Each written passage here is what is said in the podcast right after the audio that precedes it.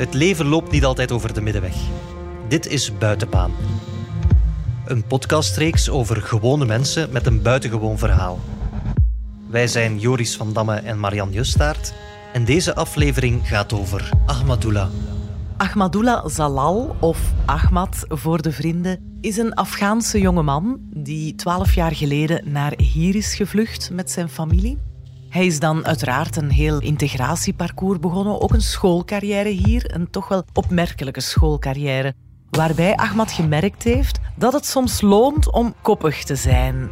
Dat als je iets wil, dat je er echt voor moet gaan en dat je dan een deel van je lot eigenlijk zelf wel in handen hebt. En nu, vandaag, staat hij op een zucht van toch wel de belangrijkste mijlpaal in zijn nog jonge leven tot nu toe.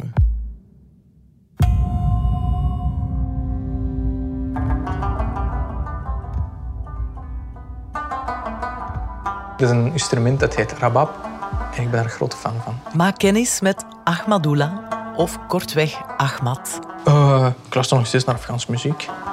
Dat doe ik nog steeds. Uh, vooral de old school, de old muziek. Uh, soms, ja, gisteren was ik naar een liedje aan het luisteren en mijn zusje kwam naast mij zitten en zei vroeg van Ahmad, hoe oud ben je? Omdat de muziek zo oud was. maar nee, ik, ik hou me wel vast aan bepaalde zaken van Afghanistan. Dus ik, ik probeer een combinatie te maken van mijn twee identiteiten. Ik, ik ben 24, dus letterlijk helft van mijn leven in Afghanistan, helft van mijn leven in België. Ik probeer die, die, die combinatie te maken van, van de twee identiteiten. Soms ben ik thuis Afghaan en ik kleed mij om, dan draag ik de Afghaanse kleren thuis. En als ik de deur uitga, dan kleed ik mij in een kostuum of uh, ja, gewoon de, de jeans en, en al. En eind deze maand zal Ahmad zeker zijn beste kostuum dragen, want hij heeft een doel.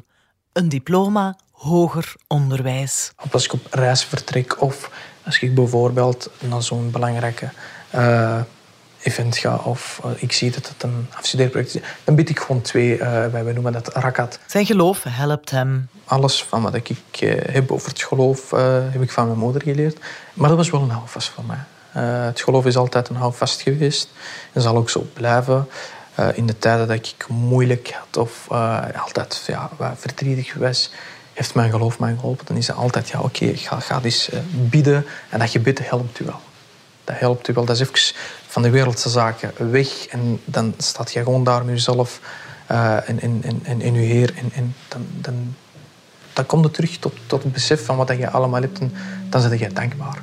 Maar als het erop aankomt, moet je het natuurlijk ook zelf doen.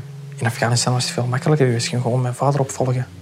Dat was veel makkelijker voor mij. Alles was daar al alles was daar al. Dus ik moest niks doen. Maar hier, hier moet je het allemaal zelf doen. En niks is makkelijk. Het leven is veel moeilijker dan, dan dat je hebt gezien.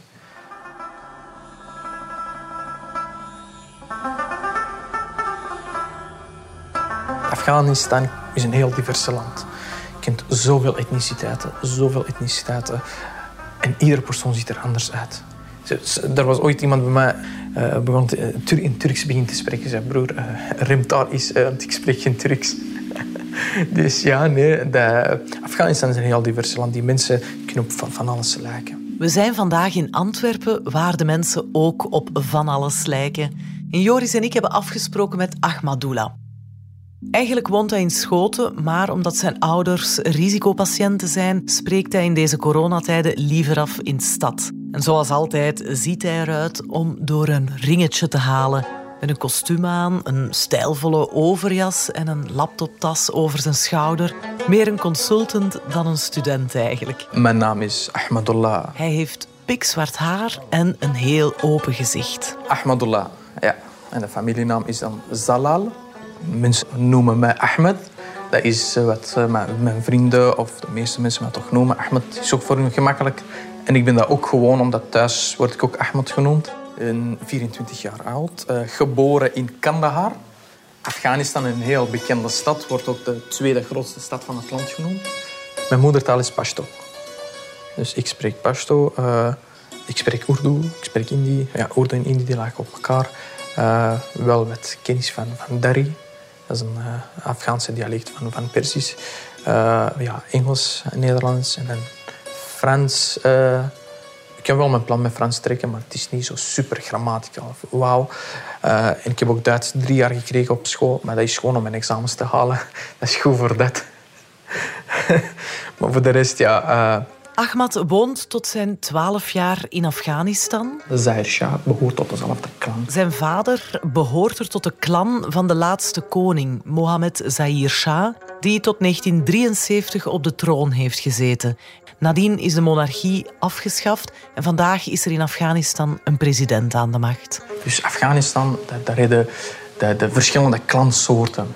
Dan binnen, ja, je hebt veel etniciteiten. Je hebt de Tajiks, je hebt de Oezbek, je hebt de Hazara, je hebt de Pashtuns.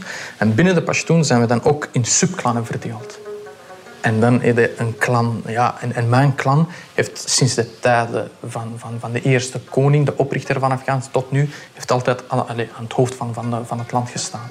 Wij zijn niet de bloedfamilie van die mensen, maar wel van hetzelfde uh, clan.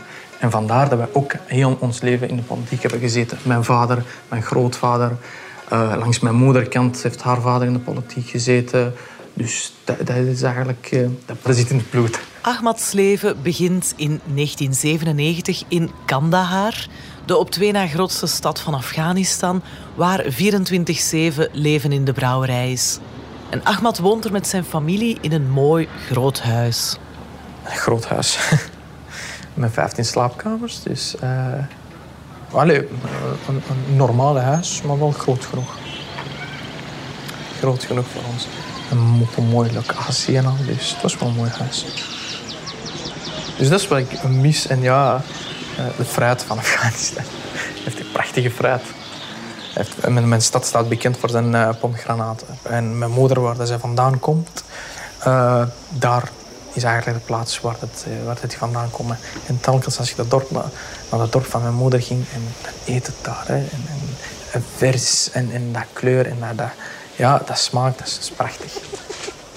Het is moeilijk voor mij om iets anders te eten dan Afghaans. Bon, ik eet wel buiten, maar op het einde van de dag is toch mama, uh, waar eten. Veel komt Ahmad als kleine jongen niet buiten. Ik was altijd gesloten, dus ik mocht niet veel naar buiten. Ik mocht echt niet veel naar buiten. Uh, soms als ik bijvoorbeeld naar buiten ging, dan was het enkel met mijn vader naar zijn kantoor gaan, maar dat was ook niet altijd. Zijn vader is douanier, is dan op een bepaald moment in de politiek gestapt. En net omdat hij een politiek etiket heeft, is de publieke ruimte levensgevaarlijk voor hem en zijn hele gezin. Mijn vader kwam maar uh, twee dagen per week naar huis. Voor de rest bleef hij in zijn kantoor slapen. Omwille van de weg, was maar 80 kilometer. In, in België gaan we dat gewoon normaal vinden. Ah, maar het is maar 80 kilometer, je kunt gewoon naar huis. In Afghanistan een, veel ander, uh, een heel ander verhaal. Hè. Als je 80 kilometer moet afleggen, dan moet het weten welke gevaren dat er onderweg zijn. Hè. Ik was er niet van bewust, tot een bepaalde leeftijd. Ik ben ook een, een heel gesloten kring opgevoed. Dus dat was een heel beperkte gesloten kring. En dan zie je enkel mensen die, die ja, wiens vader ook in dezelfde ja, ja, milieu zitten. En bij mij, dat was...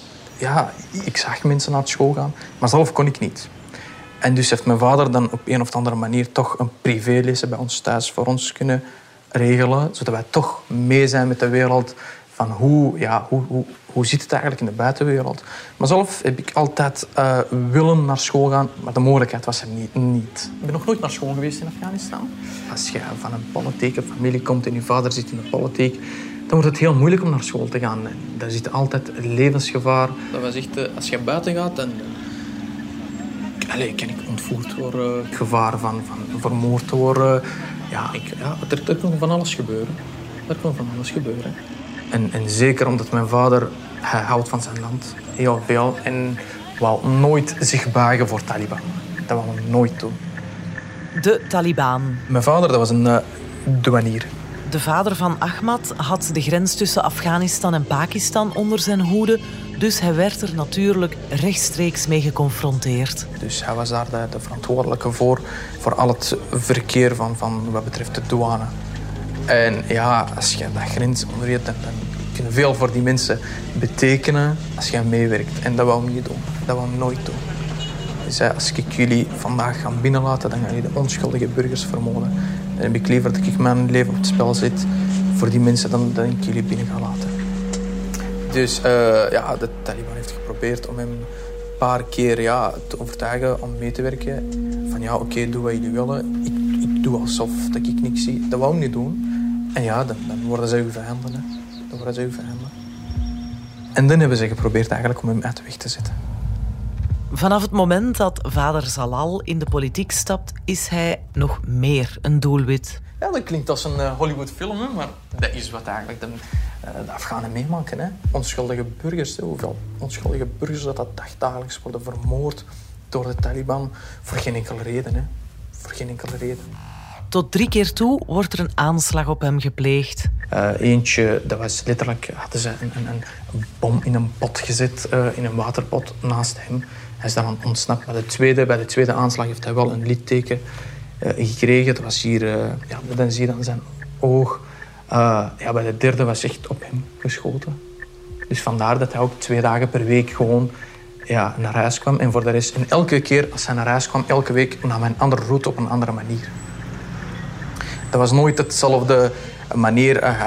hij had zijn eigen bodyguards, maar niemand wist wanneer dat hem naar huis komt en wanneer dat hem weggaat. Dus uh, ja, dat was echt... Soms komt, uh, ja, kwam in, in, in, een auto, een heel onbekende auto, soms in een taxi, soms in een iets waarvan niemand weet dat hem een overheidsfunctionaris is.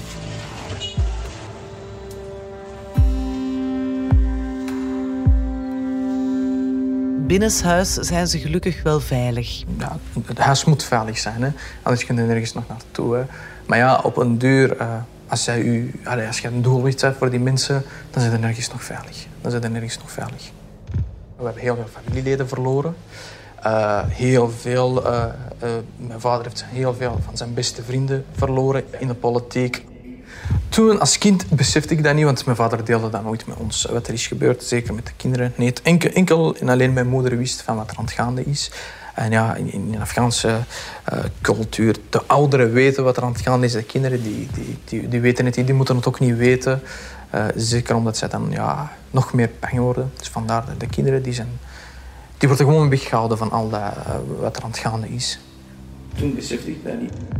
Nochtans ziet Ahmad als kleuter zaken die geen enkel kind zou moeten zien en die hij nu nog meedraagt. Ik heb uh, een onkel van mijn vader gezien. Hij, dat was een commissaris. Hij werd vermoord door de Taliban. Uh, ik herinner me nog die nacht perfect. Uh, het was Afghaanse nieuwjaar, we noemen dat Nauroos. Dat is een Afghaanse nieuwjaar. En, en het verhaal werd verteld door, door de winkelier daar. Hij zei van ja, op het moment dat zijn auto binnenkwam, waren er twee gasten bij mij nog aan het shoppen. En op het moment dat zij de sirene hoorden van zijn wagen, die zijn gaan verstoppen. En toen hij kwam, ja, stonden zij één aan de ene kant en één aan de andere kant hebben ze hem vermoord. En ik weet nog, dat, dat brood dat hij had meegenomen zijn was vol bloed. En, en ja, ik, ik heb zijn gezicht gezien en dat was... De ene kant zag het er gewoon niet uit. En ik heb dat als kind zelf gezien. En dat is een beeld dat nooit kan, kan vergeten. Dat blijft altijd met me. Die heb ik echt ge, gezien. En als kind, dat is iets dat jij ja, je, je ergste vijand niet eens wenst om zoiets mee te maken. Ja, ik wist niet omdat dat, dat, dat kwam omwille van zijn politieke aardheid. Maar, maar, ja, het was gebeurd. Pas later, toen ik wel wat, wat bewust was en al, toen besefte ik dat ja, hij, hij, werd vermoord omdat hij ja, in de politiek zat of een commissaris was. Mijn vader die zei, het is, het is niet meer veilig. Hè. Ik, kan, ik kan hier niet zomaar blijven wonen na drie aanslagen. En dan ja, gevaar voor mijn kinderen. De, dat kan ik me niet meer permitteren. Ik moet hier weg. In 2009 besluit vader Zalal met zijn hele gezin te vluchten. Dat was wel heel lang geleden en als kind herinner ik daar me heel weinig van. Ik, wist, allez, ik, ik weet wel dat hij zei, ja, we moeten hier weg. Maar voor de rest, hoe, hoe dat wij tot hier zijn geraakt, dat weet ik niet meer. Van die dagen weet ik niet meer. Uh, dat, was, dat was echt... Dat weet ik niet meer. Dat was, uh, dat was precies, ja... Ons werd ook niet gezegd naar waar wij gaan. Hè. Ik, ja, ik herinner me daar niet veel van. Van de vlucht zelf herinnert Ahmad zich bijna niks meer. Hoe dat wij tot hier zijn geraakt, dat, daar herinner ik me niet veel van. Het was gewoon, ja, we moeten weg. Hij heeft die passage verdrongen, denkt hij. Soms, soms maakte gewoon bepaalde keuzes bewust om bepaalde zaken gewoon te vergeten. En dat was denk ik een van de, de, de keuzes die ik heb gemaakt om gewoon die scenario's of die zaken gewoon te vergeten.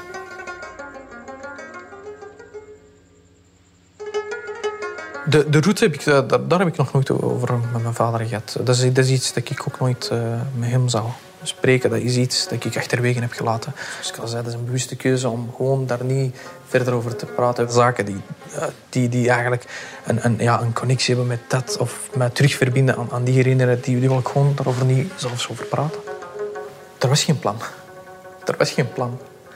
Dus uh, dat is, dat, er was nooit een plan geweest om uh, ja, welk, welk land of waar. Het was gewoon weg van dit land. Dus weg van Afghanistan. Weg van Afghanistan naar België.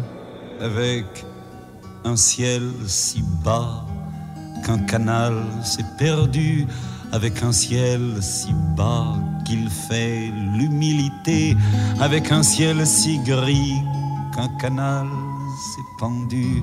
Avec un ciel si gris qu'il faut lui pardonner. In Afghanistan zijn er heel weinig mensen die weet hebben van een land als België.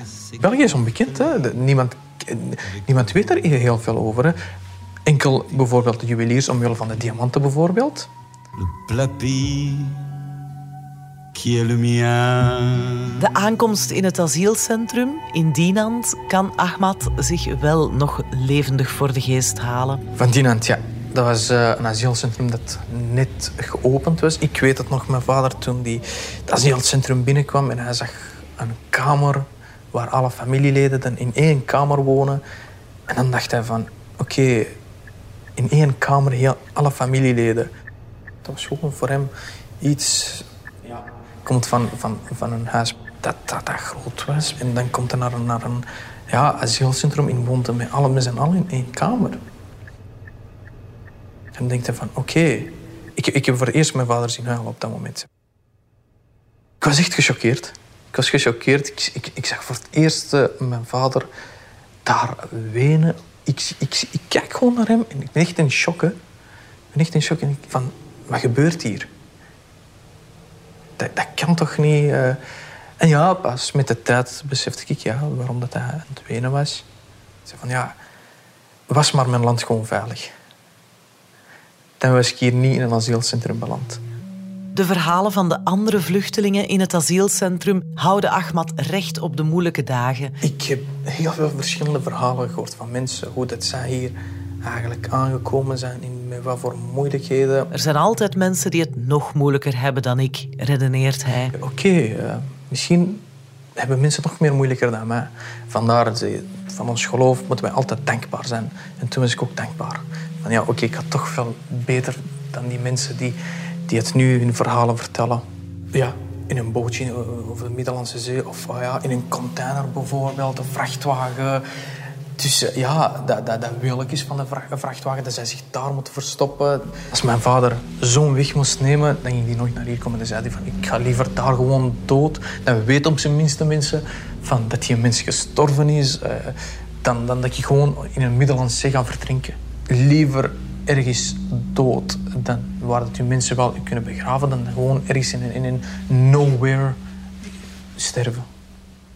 De Zalals worden erkend als politieke vluchtelingen en zijn vader herpakt zich. Ik, ik heb mijn vader altijd een, een sterk persoon gekend en daarna zei van oké, maar ik kan het hier bouwen. Ik kan het hier bouwen. En dat heb ik van hem, van nooit opgeven. Dat, nooit opgeven, dat, dat, heb ik van hem. En, en hij was ook de persoon, hij en mijn moeder die altijd achter mij hebben gestaan van Ahmed, maak niet wat er gebeurt, doe wat jij wilt. En, en zie dat jij de taal heel goed beheerst, dat je gewoon je leven hier perfect kan bouwen. Ahmadullah zelf is vastbesloten om zich zo snel mogelijk te integreren en de taal te leren. Moet eerst gewoon worden van, van een nieuw land, nieuw leven, nieuwe mensen, nieuwe cultuur. Hij gaat naar een Waalse school waar hij in een taalklas ook Frans leert. Op school gezeten in Athénée Royal de Boreng. Heb ik daar tot de uh, helft kunnen doen. Ik heb mijn jaar niet kunnen afmaken. En na een maand of zes krijgt de hele familie een sociale woning toegewezen in een piepklein dorpje vlakbij Libramont. En dan ineens Libramont, uh, daar voor 15 dagen gewoond. Dat was echt een platteland. Tussen de koeien. Je hebt een zicht letterlijk gewoon op de koeien. je, je ziet voor je letterlijk enkel en alleen maar koeien. En ja, that's it voor de rest. Ahmads ouders, die het drukke Kandahar gewoon zijn, kunnen maar niet wennen aan de stilte. Ah nee, dat was, dat was gewoon niet te doen. Uh, 15 dagen lang, dat, dat voelde als 15 jaar. Die 15 dagen heeft heel lang gevoeld. Uh, uh, mijn, mijn, moeder had spijt dat ze gewoon naar dit huis is gekomen. Ze, ik had beter gewoon in een asielcentrum moeten wonen. Dat was veel beter. We hadden schone zichten op Dinon. Uh, komt allerlei toeristen tegen. Ze hebben nee, ik kan niet blijven wonen, we gaan naar Antwerpen. Maar de papa kent iemand in Antwerpen de stad van de diamanten. Het is veel levendiger en veel beter. Waar trouwens ook al een deel van de Afghaanse gemeenschap woont. En dus gaat het voor de familie richting Antwerpen. En dan zijn we naar hier verhuisd. Dan zijn we naar Antwerpen verhuisd. Nederlands was wel makkelijker om te leren dan, dan Frans. Hè? Want het, is, het, is, het lijkt wel bij op Engels. Als je Engels kan, dan, dan gaat het dat wel veel sneller uh, leren dan, dan het Frans. Ahmad leert op korte tijd veel nieuwe mensen kennen, maar hij vindt het niet altijd gemakkelijk om zijn hart open te stellen. Soms, soms ja, krijg ik van de vrienden te horen. Ja, maar jij bent zo'n gesloten persoon. Maar dat is normaal. Ik ben in een gesloten kring opgevoed. Ik kan mezelf niet openen tegenover iedereen. Hè. Het was ooit in, in, in Dinant. En we waren onderweg van het station naar, naar het asielcentrum en er passeerden auto's. Mijn vader zei, weet je, ik ga gewoon een lift vragen aan iemand of taxi. En ik zei van, baba, ik noem hem baba. Ik zei, baba, waarom zouden we dat doen? Stel dat die ons ontvoeren, wat dan? Hij zei, nee, het is hier anders dan daar. Hè. Maar die gedachte had ik, had ik nog toen. Hè. Wat hier ook anders is dan daar, Ahmad kan naar school gaan. Ik, ik wist wel nog steeds mijn huis, mijn leven uh, daar. Omsingeld zijn door familie. Daar hadden wij bijvoorbeeld alle mogelijkheden, behalve het onderwijs. En tot op vandaag beschouwt hij dat als een privilege. Hij slorpt leerstof op. Vanaf het moment dat wij waren verhuisd naar eh, Antwerpen, uh, hebben ze via Atlas me ingeschreven in, in uh, OCAN-klas aan Spectrumschool daar in Borgerhout. OCAN staat voor onthaalklas voor anderstalige nieuwkomers. Heb ik daar zes maanden gezeten. Ik wou altijd uh, advocaat worden dat was echt iets voor mij. Ik wil, ja, ik wil strafrecht studeren en ik wil uh, advocaat worden. De school meent dat het te hoog gemikt is voor hem en hij wordt naar het beroepsonderwijs gestuurd. Toen hebben eigenlijk de leerkrachten mij gedemotiveerd. Ja, nee, dat, dat, dat, gaat, dat gaat te hoge stap zijn voor u en niet doen en dat. Dus ja, dan, dan, dan heb ik eigenlijk uh, de BESO gedaan. Eerst deed ik uh, kantoorverkoop. Dat was eigenlijk het moment dat we al verhuisd waren naar Schoten. En dat was toch niks voor mij, verkoop. Uh, ja, ik zat nog steeds met mijn gedachten met het uh, recht, uh, ja, strafrecht. ik vond het gewoon fascinerend dat wel iedereen zei van niet doen strafrecht, dat is het gevaarlijkste dat je kunt studeren. Dan, dan ben ik ja, in het vierde elektriciteit gaan doen. Aan de Koninklijke Atheneum in Schoten. En ja, zo ben ik, dan, heb ik dan, dan ja, elektriciteit gedaan. Heb ik mijn diploma gehaald van industriële elektriciteit. Dus ben ik bekwaam tot aan 15.000 volt te werken. Dus het is echt aan een leerkracht om de leerlingen juist te motiveren en te zeggen van kijk, sky's the limit. Je kunt van alles doen. Je moet gewoon de wil hebben. Dat zeggen zij niet. In plaats van dat te zeggen, zeggen ze altijd nee, het is niet mogelijk. Nee, maar je hebt dit achterstand. Focus eerder op, op, op positieve kanten van een, een student dan, dan op een negatieve kant. Op negatieve gaat hij die enkel demotiveren. Wij als mensen, wij denken altijd ja, maar die mens heeft dat gedaan of dat gedaan. Ja, enkel aan de negatieve kant. Waarom nooit aan de positieve kant? Voor hun was dat een makkelijkere oplossing. Steek die gewoon in een bezo en die zou wel een plan trekken. Pas in, in zesde, herinner ik me nog, of in zevende middelbaar, dat mijn docent, allez, mijn leerkracht van toen kwam en die zei van Ahmed, wilt jij toch niet TESO gaan doen? Elektronica? En dan dacht ik van, eh, sorry, maar het is nu heel laat. Ahmad heeft dus het gevoel dat ze hem wat te snel in dat watervalsysteem geduwd hebben. Nu, in onze eigen omgeving kennen Joris en ik wel wat leerkrachten die net wel alles uit de kast halen om kwetsbare jongeren zo goed mogelijk te oriënteren met het oog op hun toekomst. Maar ja, hij heeft dus een andere ervaring gehad. Gelukkig is hij wel een zalm die tegen de stroom in durft zwemmen. Ik, ik ga gewoon mijn eh, bezo afmaken en ik zie wel wat ik ga doen. En ik zei, oké, ik ga verder studeren. ik zei, ik ga aan de Karel de Groot Hogeschool studeren. En de leerkrachten waren van, nee, je hebt een achterstand, je hebt geen wiskunde gehad, je hebt dit niet gehad, dat, dat, is moeilijk. En dit, ja. Ik ben dat tegen mijn vader komen vertellen, en mijn ouders. En mijn vader was zo van, wat wilde jij doen? Ik zei, ja, ik wilde verder studeren. Dan zei hij van, doe dat gewoon. Luister naar niemand, doe wat je wilt ik sta achter u. Uh, mijn ouders hebben altijd mij, enorm veel ja, de support gegeven om, om tot de persoon te worden van wie ik vandaag ben. Ik ben soms koppig. Dat zeggen ze ook altijd. Ja, maar ja, soms koppig zijn loont soms. Hè. Als ik mijn, uh, naar mijn leerkracht had geluisterd, dan was ik nu, ja, stond ik nu ergens op de werf uh, te werken. Hè. Op, elektriciteit is een prachtige job. Maar ik deed het gewoon niet graag. Ik deed het gewoon niet graag. Ik wou gewoon verder studeren, iets, ja, iets anders studeren. Rechten heb ik toch dan niet gedaan omdat ik zo van dacht, ja, misschien hebben de leerkrachten toch gelijk achterstand en, en al. Maar ik wou niet stoppen. En dan heb ik de, de, richting internationaal ondernemen ontdekt. De eerste vraag was, is er veel wiskunde in die richting? Toen zeiden zij nee. Toen zeiden ze nee, maar toen ik begon, dat was een financiële richting. ik leer alleen financiële vakken. Ik ben mijn leerkrachten boekhouden echt dankbaar. Uh, zij zag, ik doe moeite. Maar ik heb nooit boekhouden gehad. Dus ik wist niet wat, wat, wat activa is, wat passieve kant is. En wanneer doet het debit, wanneer doet het credit en al. Uh, dan fiscaliteit nog erbij. Maar uh, zij had mij aangeboden van... Kijk, als je ooit moeilijkheden hebt, kom naar mij. Ik, ik, ik leg u extra uit, zodat jij het snapt. En een vriendin van mij heeft toch mij heel veel geholpen.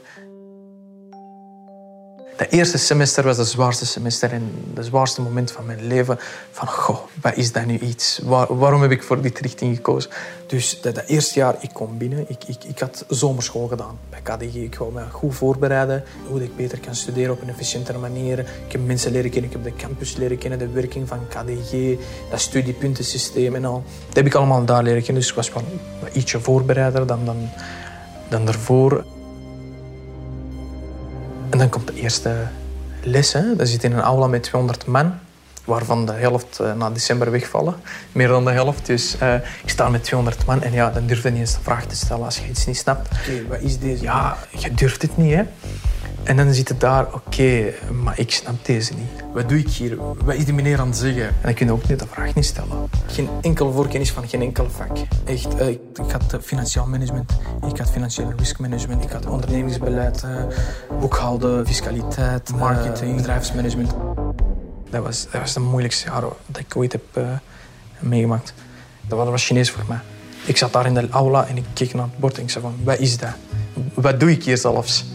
Ik was echt van plan om af te haken bij het eerste semester. Ik was dat echt van plan. Ik was zo beu. Ik, ik kwam thuis aan na het eerste werk. Ik zat daar gewoon in, in, een zetel te zitten en te denken. Heel, heel diep aan het denken. En mijn vader had dat gemerkt en zei van... Ahmed, wat is er met? In welke gedachten zitten we weg? Ik zei van, ja, baba, dat, dat hogeschool, dat is, dat is moeilijk. Hij zei, wat is makkelijk in het leven? Niks is makkelijk. Dus ofwel ga je ervoor, ofwel ga je afhaken en ga je gewoon iets doen. Hè. Hij zei van, ja, niks is makkelijker. Als jij denkt dat je gaat werken en dat dat makkelijker gaat zijn, gaat het ook niet makkelijk zijn. Dus maak de keuze zelf. En toen heb ik gewoon de keuze gemaakt. Oké, ik ga gewoon verder doen. Ik dacht van, weet je, maakt niet uit wat het wordt. Durf gewoon te vragen. En zo ben ik dan begonnen, ja, uh, op de eerste rij gaan zitten. Uh, en dan stel ik gewoon de vragen. Mij maakt het niet meer uit uh, wat het was. dus ik begon de vragen te stellen. En, en zo ben ik dan mezelf gaan voorbereiden op de volgende semester. Maar dat, dat, heb ik allemaal gedaan en uh, ja, het was mij gelukt. Ik heb dat eerste semester overleefd. Ik had nooit gedacht dat ik voor een vak uh, een 18 ging halen. Uh, en plots zat ik daar voor mijn docent, tweede jaar marketing. En ik ben aan het vertellen, vertellen, vertellen, vertellen. Ik, ik, en hij is aan het noteren, dus dan zit ik daar met gevoel. Ben ik wel juist aan het zeggen, want meneer is niet aan het reageren. Mijn docent is niet aan het reageren. En op de punten zeg ik ja, 18 op 20. Ik zeg, maar dat is wel een goeie. 18 op 20, dat is de grootste onderscheiding. En dat voor een jongen uit Afghanistan, een jongen uit het beroepsonderwijs. ik was de gelukkigste persoon op aarde. Ik dacht, maar deze punten moet ik nu naar mijn docent sturen. Allee, leerkracht van middelbaar van meneer, wat had jij gezegd? En kijk wat er hier staat. Heb je het gedaan? Nee, ik, ik wacht tot ik mijn diploma heb. en hij is er bijna. Binnen een maand kan hij zijn diploma op zak hebben. Hij moet alleen nog een bachelorproef indienen en verdedigen. En voor dat afstudeerproject heeft hij gekozen voor het uitwerken van een businessplan voor een start-up. Niet zomaar een start-up. Uh, ik, heb ik heb stage gelopen bij de Antropol Diamond Center. Ik heb gezien dat er 1600 diamantbedrijven zijn. Maar wat ik miste was toch dat, brengen van, van kleur, uh, ja, de kleur edelstenen. Ik heb liefde voor juwelen en edelstenen. Dus uh, dacht ik van ja, ik kom uit Afghanistan en In Afghanistan kunt je de, de tourmaline je hebt de lapis lazuli, je hebt de smaragd, de robijnen. Je hebt van alles. Ik, ben, ik, ik heb altijd die soort stenen gezien. En dan kom ik enkel diamanten. Diamanten zijn prachtig. Ik vind ze prachtig, maar gewoon niet mijn ding. Ik ben te weten gekomen dat er vrouwen zijn in Afghanistan die bezig zijn met dit soort zaken, die eigenlijk juwelen maken. En ja, ik heb altijd gewild om, om een, trade te creëren tussen Afghanistan en, België. België staat bekend voor zijn diamanten. Afghanistan heeft het uh, gekleurde edelstenen. Ik wilde op een of andere manier combineren. Juwelen uit zijn land van herkomst. En dan nog gemaakt door vrouwen in kwetsbare situaties. En dan dacht je van ja, dat zijn vrouwen die het wel moeilijk hebben. En als ik ze werk kan bezorgen, dat het prachtig zijn. Hen wil Ahmad steunen. En dat is zo de sociale kant van Ahmad's zijn businessverhaal. Dat is ook een van de corporate social responsibility van mijn onderneming, van mijn project. Als ondernemer, als persoon is dat voor mij erg belangrijk om die vrouwen dezelfde kansen te geven als iedereen. Zij moeten ook hun brood kunnen hebben op een eervolle manier. En daarom ben ik dat aan het uitzoeken. Hoe kan ik die vrouwen in het verhaal uh, meetrekken? En dat heb ik dan ingediend als mijn projectvoorstel. Uh, Hij zet alles op alles, werkt keihard aan die bachelorproef en gaat eigenlijk ook nooit op stap. Ik heb nooit uh, gefeest. Dat, ik, ik herinner me niet anders nooit uh, uit geweest, nooit gefeest. dat doe ik ook niet. Ten eerste komt dat wel door mijn geloof. alcohol drink ik niet. Ik rook niet, dus ik doe die zaken niet. Dat, dat komt door mijn geloof. Ten tweede, dat is iets dat niet in mij zit. Maar hij is daarentegen wel volop bezig met het uitbouwen van een groot netwerk. In het studentenleven, in het bedrijfsleven, maar ook in de politiek. Ik was vroeger echt tegen politiek. Puur om, nou, door mijn ervaringen. Ik, was echt, ik dacht, ik ga nooit in de politiek stappen. Nooit van mijn leven, dat is iets als een vieze spelletje. Nooit van mijn leven ga ik dat doen. Dat, dat, dat neemt je leven af en al. Maar bon, uh, op een duur, ik deed een project ergens. En dat was een prachtig project uh, omtrent conflictresolutie. Dan dacht ik van, het leven bestaat niet enkel uit nemen. Je moet ook teruggeven. We leven in een diverse maatschappij. En we moeten ook elkaar hand geven, zodat iedereen bovenop kan geraken. Toen dacht ik van, ja, ik wil toch terugdoen voor de mens, voor de maatschappij. De maatschappij die mij zoveel kans heeft aangeboden, wil ik terug, terug iets doen. En daarom ben ik dan in de Belgische politiek gestapt. Tot dat netwerk behoren bijvoorbeeld Youssef Kobo of Vlaams parlementslid Willem-Frederik Schilds van Open VLD. Frederik, eh, die mens heeft mij veel geholpen. Hij wil altijd dat, dat, eh, dat jij groeit. Dat jij groeit als persoon en hij helpt ermee. En dat heeft hem ook bij mij gedaan. En ja, dan heb ik ook een bericht gestuurd van kijk, ik wil leren hoe de Belgische politiek werkt. Ik wil weten hoe dat eigenlijk achter de schermen werkt. En dan heeft hij mij eigenlijk een stage aangeboden bij hem op het Vlaams parlement. Nu, op dit moment ligt zijn hart bij zijn business. Of toch het plan waarmee hij straks wil afstuderen. Ik ben wel heel zenuwachtig. Uh, ook omdat dit project heel uh, dicht bij mijn hart ligt. Ik, ik, ben al jaren mee bezig met dit project. Hè. Dus ja, het is, het is wel heel moeilijk geweest om, om dit project te kunnen waarmaken en tot ja, het punt te brengen waar dat, dat nu is. Uh, dus ja, ik, ik, ben wel zenuwachtig. En als zij dan dat bijvoorbeeld gaan, gaan bijvoorbeeld afkeuren, ja, je kunt je diploma niet halen puur omwille van de taal, want dat ze kunnen wel doen. Als bijvoorbeeld je Frans niet goed genoeg is, kunnen ze het hele project opnieuw laten doen, een ander project dan. Daar ben ik wel zenuwachtig voor. Ik heb wel veel angst, vooral voor dit project, zeker het sociale aspecten. Mensen bijvoorbeeld weten het. Oké, daar zit zo'n aspect in. Wat als dat aspect niet lukt? Verlies ik mijn credibiliteit of niet? Vandaar dat ik altijd zeg, ik ben nog aan het onderzoeken. Ik weet niet, ik heb daar geen 100% antwoord op. Hij is zenuwachtig voor de verdediging van zijn bachelorproef. Onder meer omdat hij twijfelt of hij het wel gaat kunnen, maar ook omdat er wel wat meer op het spel staat, persoonlijker. Dat, dat, is, dat is vooral met mijn project. Oké, gaan ze mij wel vertrouwen? Gaan ze wel van mij kopen? Als ze zien wie dat... Oké, de naam is nu misschien... Klinkt Frans of klinkt Belgisch. Maar als zij zien de persoon daarachter of het gezicht daarachter, wie de, de, de, de founder van, van dit project is of van dit bedrijf, gaan ze dan wel kopen of niet? Gaan ze wel zeggen, ah ja, het is te vertrouwen of niet? Soms zijn er gewoon vooroordelen. Oké, de verwachtingen zijn nu hoog. Ga ik dat wel kunnen vervullen of niet? Dus die, die faalangsten heb ik. heb ik dus. En, en met dat omgaan dat vraagt heel veel creativiteit en, en ja, zelfvertrouwen. Van oké, als het toch door een of andere manier niet lukt, voorzien een plan B. Maar je hebt natuurlijk niet altijd alles in de hand. Het kan met de situatie in Afghanistan kan altijd fout lopen. Op 3 juni stuurt Ahmad een spraakbericht. Zijn afstudeerproject is definitief ingediend. Ja, het is ingediend. Nu kan ik er niks meer aan veranderen. Het is nu afwachten om wat ik heb geschreven, dat de 23ste te verdedigen. En daarna zal het afwachten zijn op de punten of dat ik geslaagd ben of niet. Afwachten of zijn start-up met juwelen uit Afghanistan zijn docenten zal charmeren. 23 juni is D-Day. Dan kan Ahmadullah Salal de eerste worden van zijn gezin die afstudeert met een bachelordiploma. Amai, dat, dat gaat wel een, een, een heel mooie dag zijn. En hij weet al wat hij gaat doen die dag. Hij wil op een of andere manier zijn leerkrachten van in het middelbaar toch confronteren met dat diploma. Van zie je wel, jullie die mij naar het beroepsonderwijs hebben gestuurd. Dat gaat een dag zijn eh, dat ik mijn leerkrachten gaan kunnen bewijzen van wat het jullie over de leerlingen denken is niet altijd juist. Maar Ahmad zou Ahmad niet zijn, mocht hij in zijn hoofd ook niet al verder zitten. Dat is echt mijn droom dat dit mijn business wordt. En uh, ja, ik wil niet enkel dan in Antwerpen blijven, maar ik ga uitbreiden naar Europa. Ik heb Europa in mijn uh, zicht, dus het wordt een Europees bedrijf. Ik heb ook mijn domeinnaam gekocht, maar het is een EU-domeinnaam. Dus je hebt, je hebt allerlei opportuniteiten. Je moet de kansen gewoon grijpen. Ik heb uh, mijn best gedaan. Mijn best gedaan voor alles. Ik heb echt dubbel zo hard moeten studeren. Maar bon, de wil was er. En waar wil is, dan, dan, dan geraakt het er wel. Hè.